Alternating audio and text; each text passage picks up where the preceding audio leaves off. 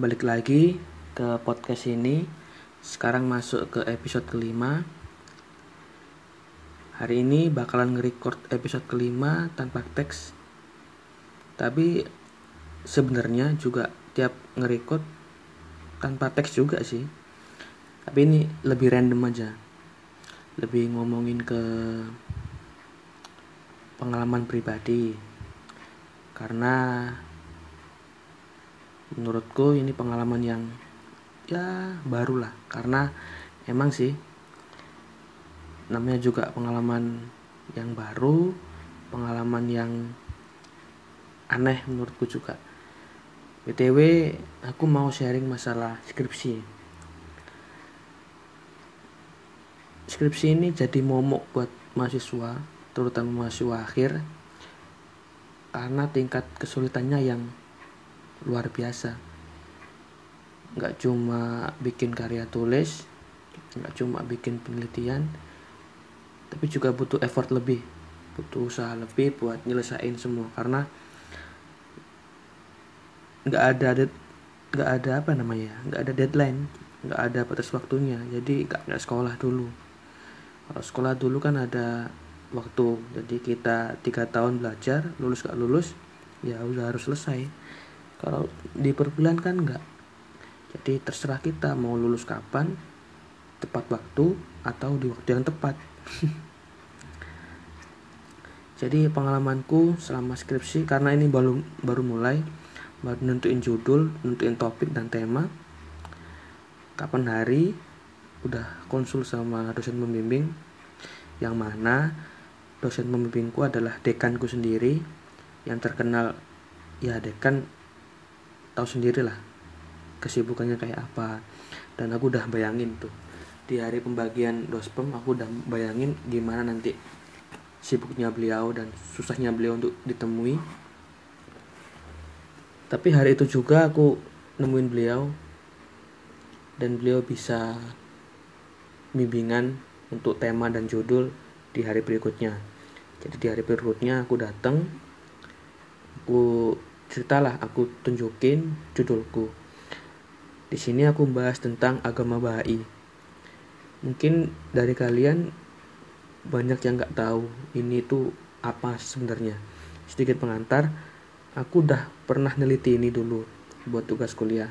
Jadi selain enam agama yang dipercaya di Indonesia, yang diakui di Indonesia, ada beberapa agama yang eksis di masyarakat.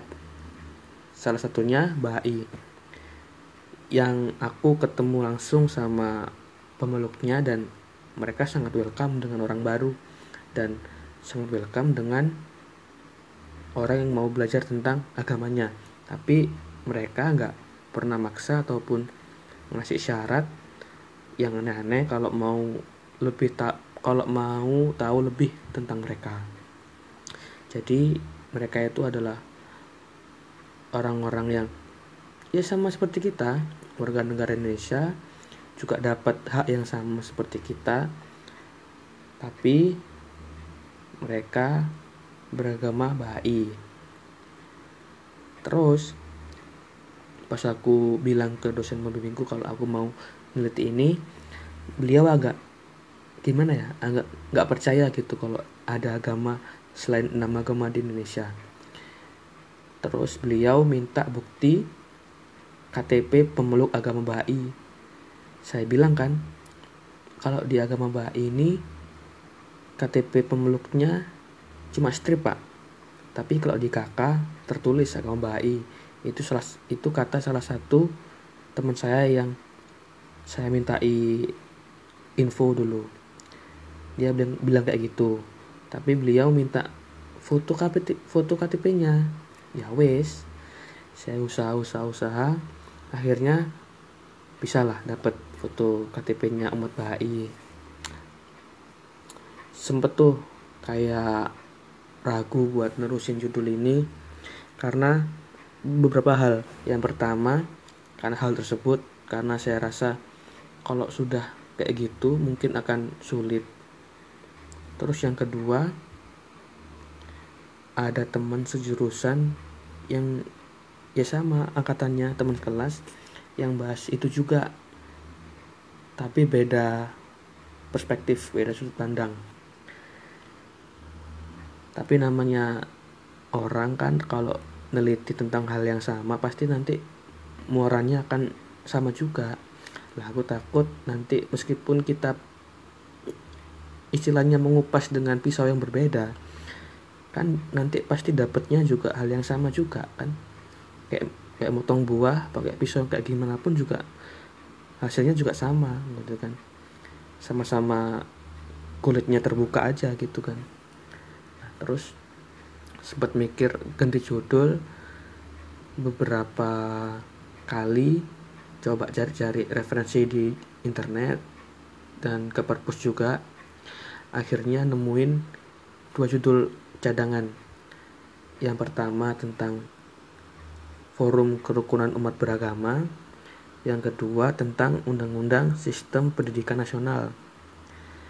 Tapi kedua judul ini kemungkinan juga nggak akan saya pakai karena saya udah dapat bukti buat ngiyakinin dospem saya kalau memang ada kalau memang ada agama Ba'i di Surabaya terutama. Terus masalah temen yang sama. Temanya sebenarnya saya juga nggak masalah sama dia. Maksudnya nggak ada apa ya emang emang kan nggak ada perjanjian juga sebelumnya. Kita mau neliti apa neliti apa tapi cuma kebetulan mungkin dia juga tertarik dengan dengan hal ini ya wis nggak apa-apa. Tapi ya, aku sempet kayak ragu gitu mau nurusin karena ya apa ya kayak aku takut dikira nyaman-nyamain tapi kan sebenarnya aku udah ada pijakannya dulu juga. Udah ada pijakannya aku udah sempet neliti aku udah sempet terjun ke lapangan juga.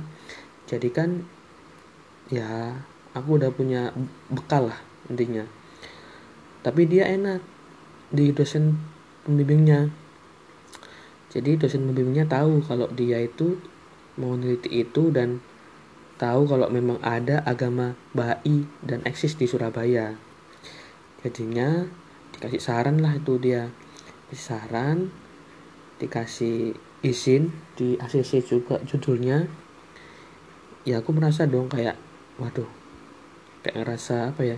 Kalau kita itu ngerasa kalau orang lain selangkah lebih maju daripada kita kita akan merasa lebih seperti iri gitu kan. Iri ataupun apa ya yang lebih tepatnya. Ya iri lah. Iri terus juga tak, apa ya takut gitu kalau kita nggak bisa sama kayak mereka. Karena kan banyak yang bilang juga hidup ini bukan perlombaan waktu. Tapi kalau kita ngalamin sendiri lihat orang lain teman-teman kita udah di ACC judulnya sedangkan kita belum ya pasti ada perasaan anu lah iri terus was-was juga.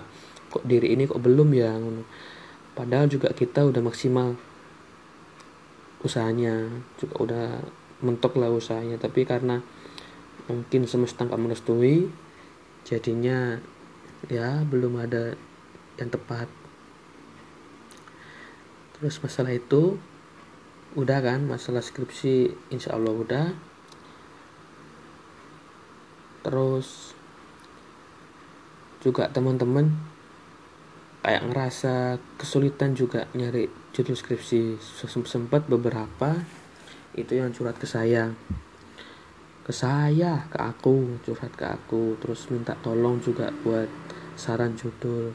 Ya aku juga nggak bisa ya karena kan inspirasi kan nggak bisa dibuat-buat gitu kan. Inspirasi datang dari mana aja kayak ada temanku yang lihat berita terus dia cari di Google ternyata temanya menarik dia jadi inskripsi terus di setujui sama dosen pembimbingnya. Ya itu rezeki dia. Ada yang kita udah observasi banyak banget observasi kita juga udah apa ya kayak udah punya relasi sama apa yang mau kita teliti tapi cuma karena di dosen pembimbing nggak nggak setuju akhirnya kita harus ganti lagi ganti lagi. Ya itulah namanya kehidupan ya.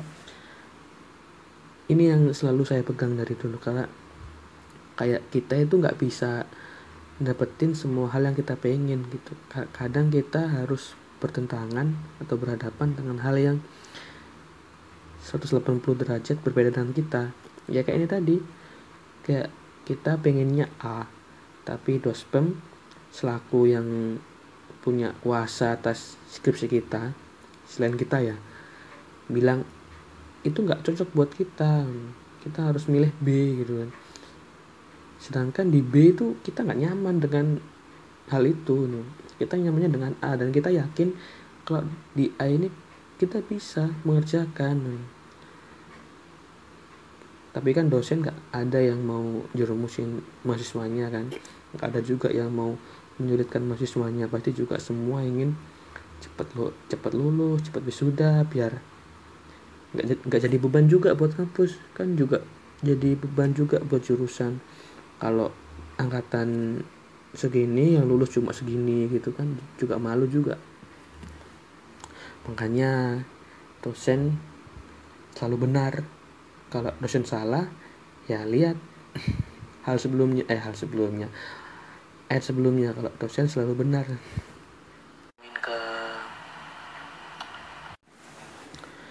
Setelah skripsi sudah tapi nanti pasti akan lanjut sih pembahasan tentang skripsi karena ini hal yang pertama buat aku karena aku juga baru pertama kali kuliah.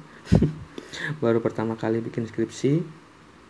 Ya ini hal yang apa ya kayak pengalaman hidup yang gak akan terlupakan gitu loh. Kayak susah-susahnya cari referensi terus nunggu-nunggu dosen. Kalau kata orang itu skripsimu nggak betul kalau kamu nggak nunggu dosen gitu kan. Jadi kita harus terbiasa dengan istilah nunggu dosen. Kayak terus tiba-tiba dosen bilang nggak bisa bimbingan. Ya kita harus terbiasa dengan hal itu.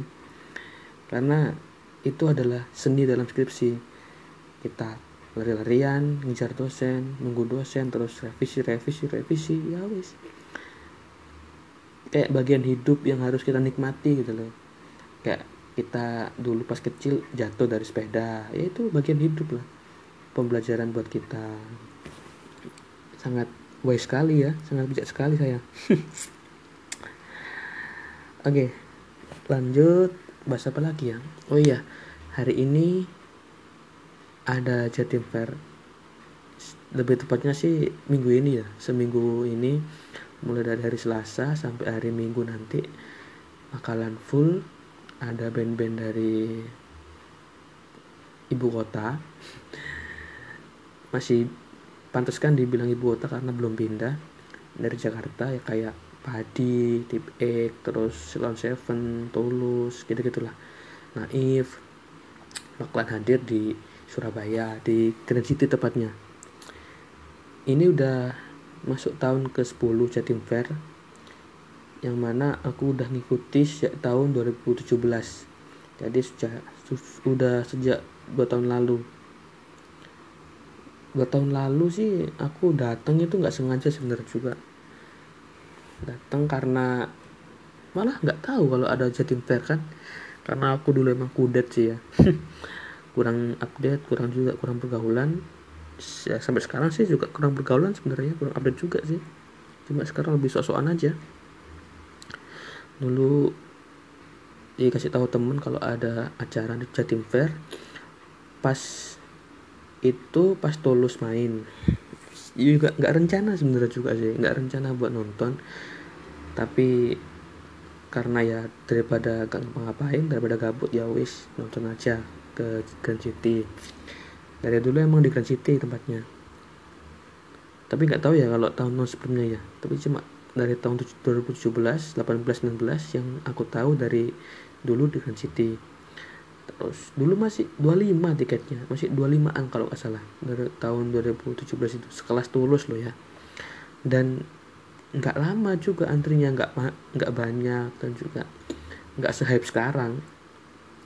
Kalau sekarang mah uh tadi aja teman-teman sambat semua. Teman-teman ngeluh semua karena tiketnya antri nggak masuk akal banget. Dulu itu tulus OTS nya 35 aku nggak tahu juga dulu ada sistem online nya nggak sih di tiketnya tapi cuma aku dulu beli OTS terus juga nggak terlalu rame. Mungkin emang nggak nge-hype seperti sekarang. Ya jadi bisa menikmati apa yang dibawain oleh Tulus ya di lagu-lagunya juga menikmati kita. Terus juga space-nya juga nggak terlalu padat masih ada ruang lah buat sekedar bernafas dan cari angin gitu kan. Terus di tahun selanjutnya 2018 karena udah tahun sebelumnya udah kayak gitu mungkin ada banyak orang yang tahu akhirnya. Dan akhirnya mereka apa ya kayak rame-rame gitu ngajak teman-temannya teman-temannya kayak kayak jadi sebuah standar sosial gitu di Surabaya. Kalau nggak lihat Jatim Fair berarti bukan nggak anak keren gitu kan. Ya ini pemikiranku aja sih. Terus 2018 itu mulailah itu ganggunya mulai mulai kerasa. Tiketnya mulai di online kan mulai online dan lebih banyak yang beli online daripada yang beli UTS karena lebih praktis kata mereka. Ya kataku juga sih yang di online lah tapi di online itu penukarannya itu sekitar siangan lah jam 11 siang baru bisa ditukarin. Jadi buat yang kerja ataupun kuliah pulangnya sore ya otomatis nggak bisa nukarin tiket. Karena kayak kita beli lewat gotik terus ditukarin ke loket kita dapat tiket ya terus tiketnya buat masuk di sore hari atau malam harinya itu sih yang aku dulu tapi kayak kayaknya dulu juga bisa sih. Sore-sore nukarin tiket tapi nggak tahu lagi juga ya. Soalnya dulu itu setauku sih setauku ya. Aku bisanya itu sore ataupun siang lah. Nukarin jam sebelasan dulu aku nukarinnya dalam bentuk tiket fisik ya. Itu jam sebelasan bisa. Ya rame juga pak. Rame juga di sana. Yang antri tiket juga rame yang antri buat tukar juga rame. Itu udah menurutku udah sistemnya udah bagus banget ya. Udah bagus banget pembelian tiketnya udah rapi dengan hype yang sangat kenceng banget udah rapi kayak gitu. Terus tadi itu kok tadi sih? Terus pas karena aku beli dua tiket karena kan sehari satu gestar. Ada aku beli dua satunya tulus satunya Salon Seven itu Sabtu Minggu. Aku beli dua tiket terus ya udah aku nonton. BTW ada dua tiket ya maksudnya ada dua kelas. Ada tiket VIP dan juga ada kelas ada tiket reguler reguler. Sorry sorry. Menurutku sama aja sih sama-sama ramenya. Tapi mungkin yang le VIP lebih bisa buat nafas sih. Karena yang reguler wah penuh banget. Penuh. Penuh banget. Ba bahkan banyak yang nggak bisa masuk ke space nya nggak bisa masuk ke apa ya kayak ke halamannya itu loh pokoknya. Ada yang di luar-luar masih yang tapi mereka udah punya tiket tapi nggak bisa masuk. Ya karena emang gede banget sih. Maksudnya itu rame banget terus juga emang ya, ya itu tadi loh kayak jadi sebuah standar sosial sih. Karena apa ya? Karena pengaruh sosmed sih ya. Dengan kita pamer ataupun dengan kita nge story kalau kita lagi lihat konser pasti kan banyak yang pingin kan. Banyak yang merasa wah ini kayaknya keren nih kayak kalau kayak gini gitu. Jadi orang yang sebelumnya nggak tahu ataupun nggak pernah ikut jadi ikut gitu kan dan kita juga yang pamer tuh ngerasa kayak ngerasa nikmat gitu loh. Karena pamer tuh nikmat. Menurut beberapa orang itu pamer tuh nikmat. Kayak kita masih tahu kehidupan kita ke orang lain itu kayak ini loh hidupku bahagia ini loh hidupku seneng seneng terus. Terus itu rame banget tapi masih terkontrol sih ramenya. Lah pas itu kita itu mungkin mainnya pengen jam sembilanan. Dateng ya karena udah punya tiket udah aman lah ya. Ya habis maghrib gitu kan jam 6 jam setengah tujuh berangkat dari rumah. Sampai sana jam tujuan ya masih ya rame tapi cuma masih terkontrol lah. Karena emang mungkin belum GS-nya yang tampil belum yang tampil yang yang tampil itu belum yang baunya masih sepi. Terus tahun ini malah lebih gila banget. Orang-orang yang dulu nggak pernah lihat orang-orang yang dulu nggak pernah mau tahu tentang hal kayak gini sekarang jadi ikut. Entah ya aku mikirnya entah karena mereka merasa hidup cuma sekali. Jadi mereka ingin ya minimal sekali lah kamu di hidupmu pernah lihat konser gitu. Ataupun karena mereka merasa pingin seperti yang lain ataupun pingin dianggap keren dalam dalam tanda kutip ya. Ataupun mereka emang bener-bener menikmati musik dan artisnya. Aku juga nggak paham juga sih.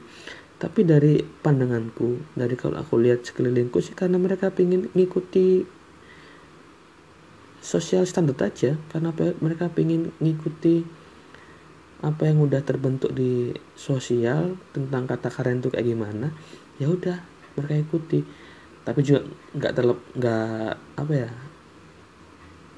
nggak bohong juga sih kalau mereka juga suka sama artisnya suka sama musiknya itu sih juga. Sekarang malah dibuat uh, OTS semua tiketnya. Beuh, gila. Rame banget. Dan di hari pertama diumumin kalau OTS itu Instagram akunnya Jatim Fair diserang habis-habisan oleh netizen. Protes semua itu. Ada yang bilang kok malah mundur sih?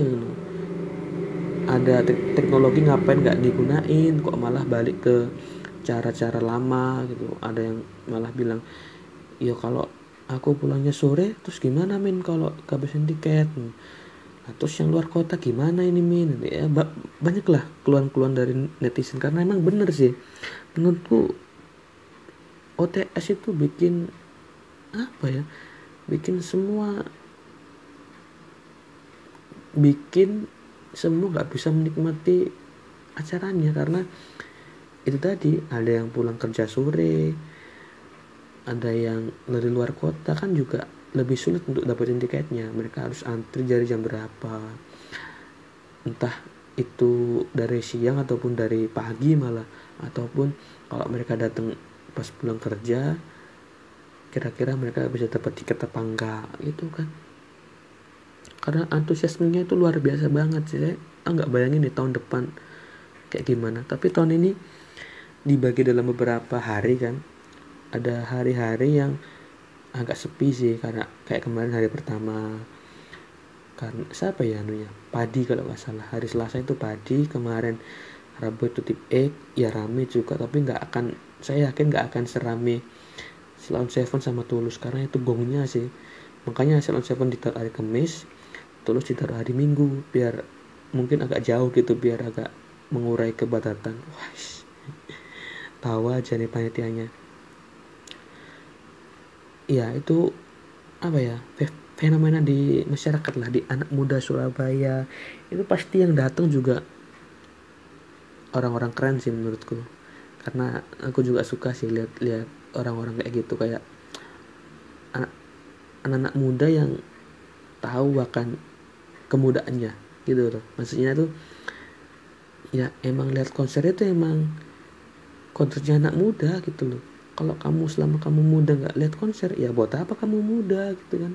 Sia-sialah umur mudamu. Tapi nggak semua orang kan suka dengan keramaian nggak semua orang dengan suka dengan desek-desekan nggak semua orang suka dengan konser gitu kan? Ya kita nggak bisa sih.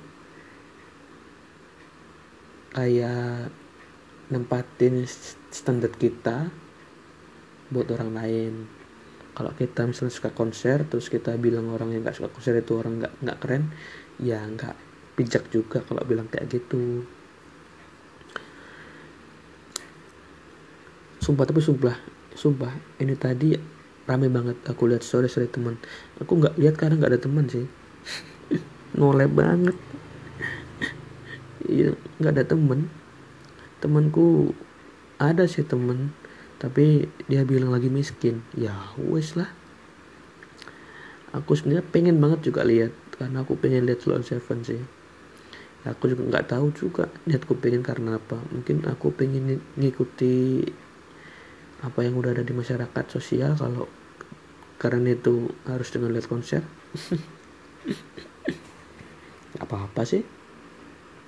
Atau juga hidup cuma sekali ya kan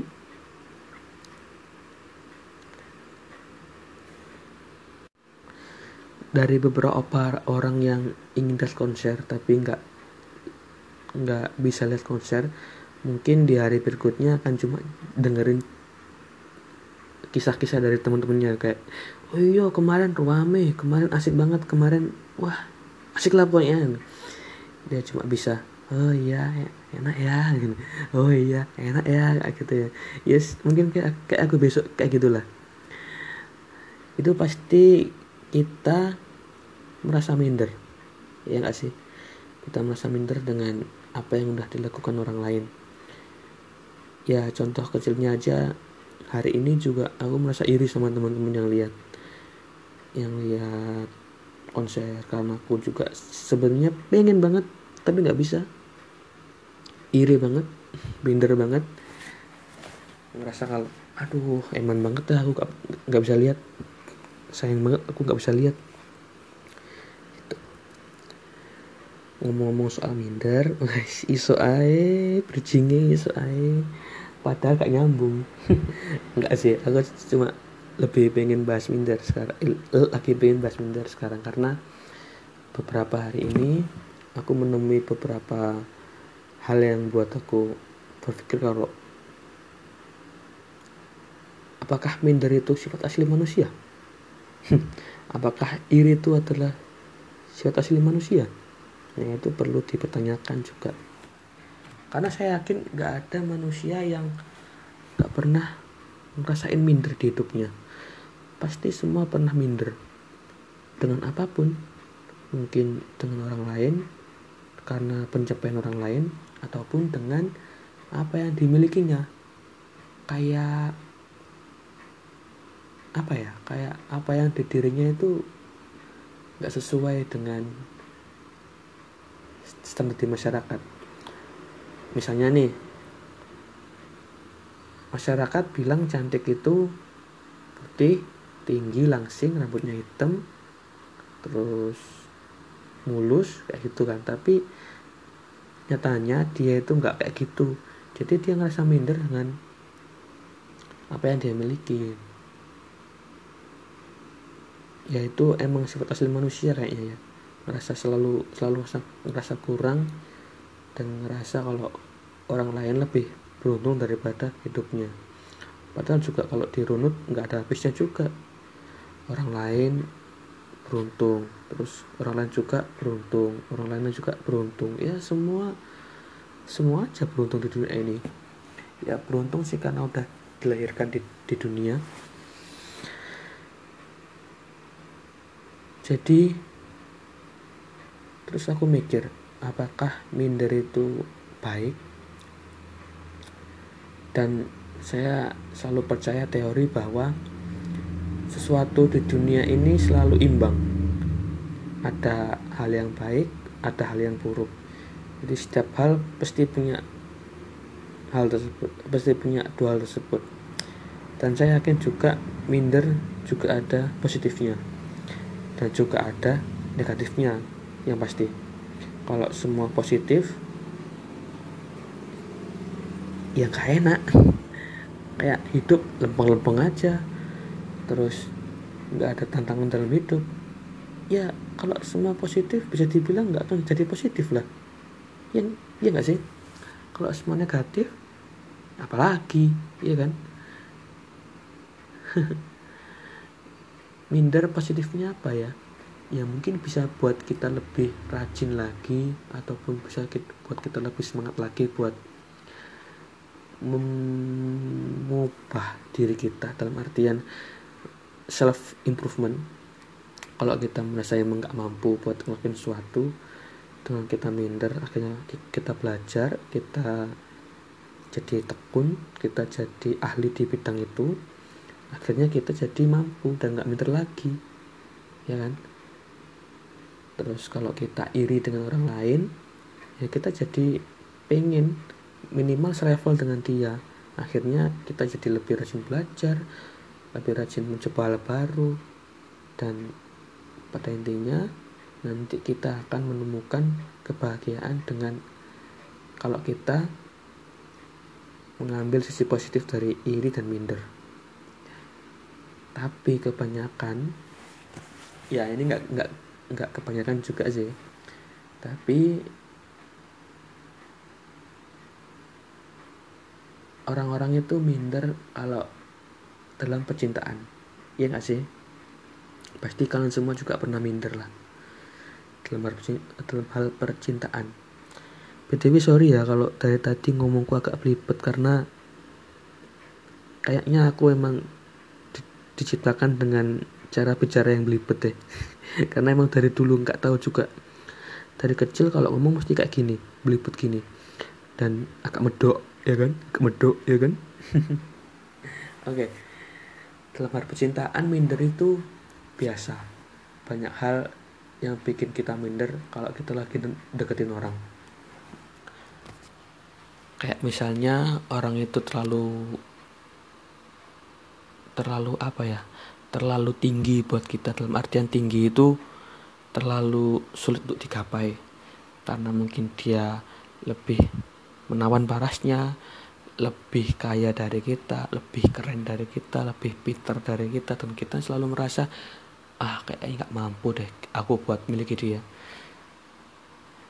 Ya nggak sih? Bener gak sih ini? Bener pasti ya? Karena aku sekarang lagi ngeliat kayak gitu Wih, kalau ini surat. Nggak nggak kian kian karena banyak teman-teman yang kayak gitu sekarang. Aku lihat di sosial media itu banyak yang kayak gitu. Terus juga teman-teman sekitar juga sering cerita kayak gitu. Kalau dia lagi suka sama seorang cewek atau cowok tapi ngerasa kalau nggak mungkin lah orang yang dia suka itu suka balik ke dia. Karena dengan kekurangannya dan dengan keterbatasannya. Terus gimana dong solusinya? Ya nggak ada solusinya. Yang bisa nyari solusi ya orang yang minder itu tadi gitu kan. Sebaik-baiknya orang yang ngasih solusi adalah diri sendiri. Wah quotes terbaik. Iya benar. Gimana pun orang lain ngasih solusi kalau kita nggak nggak lagi buka pikiran buat menerima solusi nggak akan mempan di kita serius. Kayak kita lagi galau. Kita lagi sulit ngelupain orang. Terus kita dikasih solusi sama teman kita. Ini loh gini loh caranya buat ngelupain orang. Gini loh caranya buat biar nggak inget terus. Nggak bisa kalau kita sendiri nggak pengen buat ngelupain dan kita sendiri nggak nemu solusi untuk kita sendiri buat ngelupain itu sendiri tuh. Gimana sih maksudnya kita sendiri nggak nemu solusi buat ngelupain orang yang pengen kita lupain gitu loh tadinya ya harus kita sebenarnya yang nyari solusi karena yang tahu diri kita kan kita sendiri bukan orang lain mungkin kita butuh orang lain cuma buat menilai diri kita kayak gimana terus juga buat tempat curhat telinga dan bahu untuk bersandar. Bahas minder udah bahas skripsi udah bahas setting udah udah setengah jam juga. Btw saya aku atau saya tekanin lagi. Kalau kalian mau nyari hal yang positif atau hal yang jelas jangan cari di podcast ini ya soalnya dari 5 episode saya juga nggak tahu episode mana yang terbagus. Karena menurut saya semua itu juga obrolan-obrolan sampah dari saya sih. Ini saya bikin karena saya pengen aja ngobrol saya pengen curhat. Curhat dengan medium yang lebih keren gitu kan. Kalau curhat ke orang kan nggak bisa nih didengerin oleh orang lain. Kalau saya curhat ke podcast ini ya bisalah didengerin orang lain dan mungkin bisa menjadi manfaat buat orang lain. Karena sebaik-baiknya manusia adalah manusia yang bermanfaat bermanfaat bagi orang lain. Terlalu bijak ngomonganku. Oke udah 35 menit kurang lebih. Sekali lagi ya aku mohon maaf kalau cara bicaraku yang belibet kayak gini terus juga agak mungkin agak terbata-bata dalam ngobrol karena ya emang ini mungkin dari lahir ya kayak gini ya. Aku nggak tahu. Mungkin juga agak medok karena aku emang orang sidoarjo yang biasa di Surabaya. Jadi agak medok. Mohon maaf kalau ada salah kata. Semoga kalian yang dengerin sampai sini diberkahi hari-harinya. Dikasih sesuatu yang kalian pengen selalu. Amin. Dan juga doain ya aku cepet lulus dan cepet wisuda biar bisa kerja dan kaya raya. Makasih banyak. Semoga hari kalian menyenangkan